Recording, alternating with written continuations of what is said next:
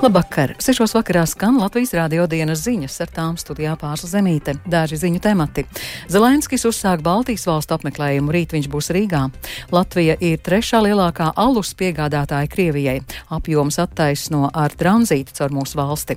Velosipēdu turētāji jaunajos vilcienos izmaksās vairāk nekā miljonu.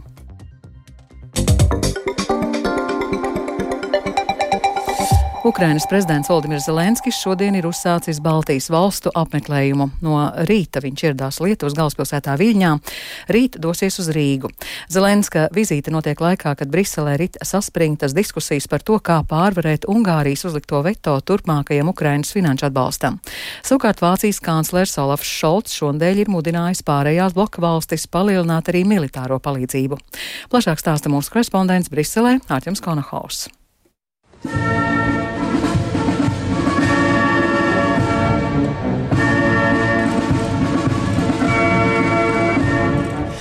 Ukrainas prezidenta Volodimira Zelenska vizīte Baltijas valstīs notiek laikā, kad Eiropai un ASV rodas grūtības turpināt palīdzēt Kīvai.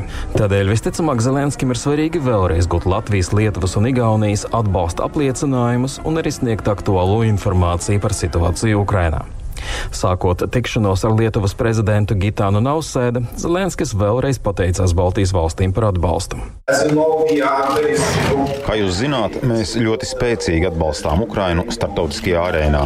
Ir ļoti svarīgi apspriest jautājumus, kas ir saistīti ne tikai ar militāro atbalstu, bet arī ar politisko un ekonomisko palīdzību. Laiks nav tāds pats kā vasarā, tagad ir nedaudz augstāks, bet esmu priecīgs, ka cilvēki nav mainījušies. Mēs esam ļoti pateicīgi par Lietuvas atbalstu, pateicīgi jūsu komandai un lieliskai sabiedrībai. Paldies par jūsu silto attieksmi pret mūsu cilvēkiem. Mēs esam pateicīgi par jūsu atbalstu, to starp militāro. Pēcpusdienā Zelenskis uzstājās ar publisku uzrunu pie prezidenta pils. Viņš sacīja, ka vēl pavisam nesen Viļņā valdīja liels augstums, bet tagad tas ir atkāpies. Gluži tāpat atkāpsies arī Krievija. Datumu tagad nosaukt nav iespējams, bet Zelenskis zinot, ka tas tā noteikti būs. Tāpat Ukrainas prezidents mudināja Eiropu nekavēties ar ieroču piegādi. Līdzīgu aicinājumu šonadēļ izteica arī Vācijas kanclers Olafs Šolts. Visticamāk, Šolts mudināja tādas valstis kā Francija un Spānija palielināt militāro palīdzību Ukrainai, jo līdz šim viņu pienesums nav bijis liels. Savukārt Eiropas Savienības valstu vēstnieki trešdien mēģināja rast kompromisu jautājumā par 50 miljardu eiro palīdzības piešķiršanu Ukrainai. Galīgais risinājums vēl nav panākts. Arčuns Konahaus Latvijas Rādio Briselē. Neskatoties uz ekonomikas problēmām un dzīves līmeņa pasliktināšanos, Krievijas prezidents Vladimirs Putins un Kremļa uzsāktais karš pret Ukrainu joprojām bauda lielu iekšējo atbalstu, liecina Čikāgas Universitātes Nacionālās sabiedriskās domas pētniecības centra aptauja. Amerikāņu sociologi, izmantojot Krievijas mobilo sakaru operatoru datus pa telefonu, aptaujājuši 1046 Krievijā un okupētajā Krimā dzīvojušus respondentus. Turpina Rustams Šukūraus. Saskaņā ar aptaujas rezultātiem 63% respondentu atbalsta Krievijas īstenoto agresijas karu pret Ukrainu, bet 64% aptaujāto šo karu uzskata par civilizācijas cīņu starp Krieviju un Rietumiem.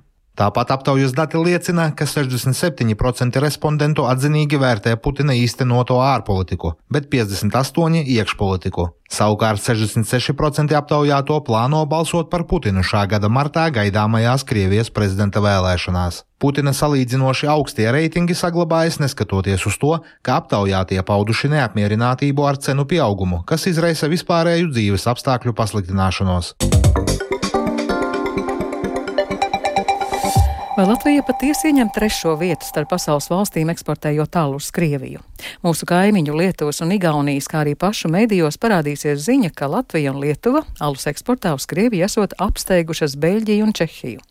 Bet uzmanību piesaista tas, ka šī ziņa nāk no Krievijas kontrolētā medija Rijā Novošķi un tā datiem par aizvadītajiem diviem gadiem desmit mēnešu griezumā. Vai tiešām šī informācija ir patiesa un ko par to saka nozars pārstāvis, skaidrojusi Agnija Lazdiņa.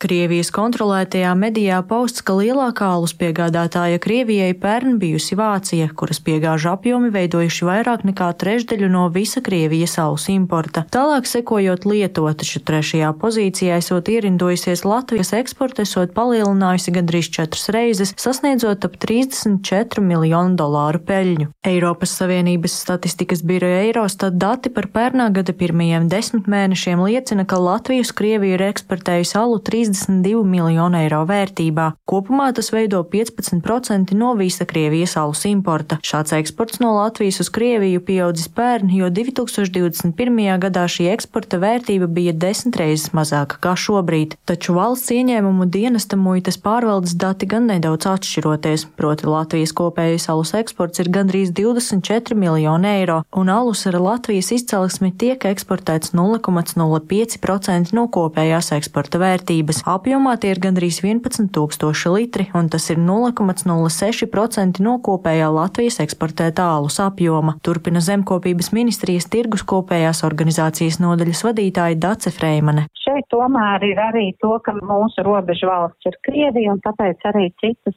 Eiropas valstis arī eksportē caur mums. Tās ir noteikts muitas procedūras, ka tādā veidā tā var arī darīt. Protams, ka šī pārtika un lauksēmniecība nav ierobežota ne importā, ne eksportā. Protams, tas ir katra uzņēmuma ētikas un morāls jautājums sadarboties ar Krievijas pusi. Latvijas alus darītāju savienības valdes priekšsēdētājs Pēteris Liniņš norāda, ka situāciju vērtē ļoti negatīvi, tomēr uzsver, ka nezina nevienu uzņēmumu, kurš šobrīd eksportētu alu no Latvijas uz Krieviju. Es uzskatu, ka tas būtu pēc iespējas īsākā laikā jāpārtrauc, un tālāk jau ir jāskatās, vai ir veicami konkrēti grozījumi tiesiskajā regulējumā, jo tie nekādā veidā nedod labumu Latvijas ekonomikai. Galvenokārt jau ļoti negatīvu vērtējumu no morālā aspekta aspektu. Nākamnedēļ valdība skatīs informatīvo ziņojumu par situāciju un turpmākajiem plāniem alus eksportā uz Krieviju. Agnija Lazdiņa, Latvijas radio. Velosipēdu turētāju ierīkošana jaunajos 32 vilcienos varētu izmaksāt vairāk nekā 1 miljonu eiro. Tā aprēķinājusi satiksmes ministrija. Cilvēki sociālajos tīklos pauž izbrīnu par tik dārgu risinājumu. Savukārt atbildību par to, ka esam pasūtījuši vilcienus bez velo novietnēm, neviens neuzņemas. Turpina Viktors Demīdovs. 1 miljons 24 tūkstoši eiro. Tik daudz varētu izmaksāt velosipēdu novietnes jaunajos elektrovilcienos, kuros sākotnēji tās nebija iekļautas. Satiksmes ministrijā norāda, ka 85% paredzēts ņemt no Eiropas Savienības, savukārt nedaudz virs 150 tūkstošiem eiro būs jāņem no valsts maka. Noskaidroju, ka katrā no 32 jaunajiem elektrovilcieniem varētu parādīties astoņas velo novietnes. Sanāk, gabalā orientējoši tās izmaksās 4000 eiro. Tiesa gan satiksmes ministrijas parlamentārais sekretārs Girts Dubkevičs ar precīziem skaitļiem nevēlas steigties. Sākotnējā tehniskā specifikācijā, ja tas būtu iekļauts, šī cena būtu krietni lētāka kopumā. Ja vienlaikus nu, tas iekļauts nav, mēs risinām problēmu, kas ir radusies. No līguma parakstīšanas brīža 2019. gadā vairākus gadus jauno vilcienu projektu uzraudzīja toreizējais satiksmes ministrs ministrs Tālis Linkaits no konservatīvajiem. Viņa rakstisku atbildi ierunā kolēģis. Manā laikā secinājām, ka velo infrastruktūra nav iekļauta specifikācijā. Pasažieru vilciens solīja, ka tiem vilcieniem, kurus piegādās pēc testu beigām, veiks modifikāciju. Redzu, ka pasažieru vilcienam nav izdevies vienoties par to ar Škodu. Tagad vispirms piegādā vilcienus un tad labo, kas ir acīm redzami dārgāk kā uzlabojumus veikt jau rūpnīcā. Satiksmes ministrija noteikusi, ka velo novietnes visos jaunajos sastāvos ir jāierīko līdz vasaras beigām. Viktors Demidovs, Latvijas radio. Savukārt likstas ar elektrovilcienu kursēšanu turpinās. Līdz marta sākumam uzņēmums samazinās ikdienas reisu skaitu par septiņiem, kas ir 2% no visiem ikdienas braucieniem. Atcelti četri reises lokas un trīs salkrastu virzienā. Vai par reisu neizpildi uzņēmums sodīs tāpat kā reģionālo autobusu pārvadātāju Liepājas autobusu parks, kas pērn saņēma sodu par ļoti daudziem atceltiem reisiem. Autotransporta direkcijas vadītājs Artūrs Caune eh, šodien Latvijas radio redzījumā kruspunktā norādīja, ka tas nav plānots. Šā brīža situācijā līgums ar pasažieru vilcienu ir noslēgts 2008. gadā. Mums šādas soda sankcijas neparedz. Ja? Līdz ar mm. to mēs varam pakratīt uh, ar pirkstu un aicināt un lūgt uh, pasažieru vilcienu pildīt savas saistības. Nesen valdība pieņēma lēmumu tātad, uh, par tiešo piešķīrumu pasažieru vilcienam, un šobrīd mēs esam uzsākuši gatavot jaunu šo sabiedriskā transporta pasūtījumu līgumu. Šajā gadā mēs paredzam arī konkrētas procedūras, procesus labākai sadarbībai, un tā skaitā arī dažādus soda mehānismus. Bet, protams, atkal uzsvēršu, ka sots jau nav pašmērķis. Mums ir svarīgāk, ka vilcieni brauc, viņi ir punktuāli. Valsts nodeva par pasi būs 34 eiro. Iepriekš nodevu par pasi plānoja palielināt divas reizes, līdzinējo 30 eiro vietā iedzīvotājiem liekot maksāt 60 eiro. To skaidroja gan ar pasu drošības risinājumiem, gan dokumentu aprites sistēmas uzturēšanu un citiem izdevumiem.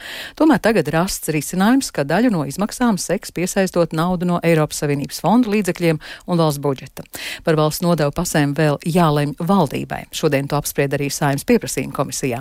Vairāk komisijas deputāti atzina, ka bez sabiedrības sacelšanās nodevu nesamazinātu. Nākamnedēļ gaidāms saimnes galīgais balsojums par Latvijas radio un Latvijas um, televīzijas apvienošanu no 2025. gada. Šim lēmumam saimā šobrīd ir vairākuma atbalsts. Vienlaikus par to, ka šī plānotā reforma nav pārdomāta un drīzāk izskatīsies kā Latvijas radio pievienošana Latvijas televīzijai, atklātā vēstulē norādījis Latvijas radio arotbiedrība. Šos apgalvojumus noraida Sabiedrisko elektronisko plašsaziņas līdzekļu padome. Saimnes cilvēktiesību komisijas deputāti sēdē apņēmās pievērst uzmanību, lai tiktu ievērotas darbinieku intereses un pildītas līdzinējās vienošanās, tomēr atlikt apvienošanas procesu deputāti nevēlas. Reizeknē notikusi dubulta slepkavība. Par divu vīriešu nogalināšanu aizdomās tur 3, 14 un 15 gadus vecus pusauģus. Viņi jau ir apcietināti un notiek izmeklēšana. Policija neizslēdz, ka slepkavība varētu būt saistīta ar alkohola lietošanu un savstarpēju konfliktu. Aizdomās turētie un cietušie bija nonākuši policijas redzes lokā par sīkiem likuma pārkāpumiem. Latvijas radio ir zināms viens no aizdomās turētajiem. Viņš mācījies internāta pamatskolā Reizeknes novada Maltā. Skolas direktors Georgs Ignāķevs uzskata, ka notikušajā vainojama sociālā vide un slikta kompānija.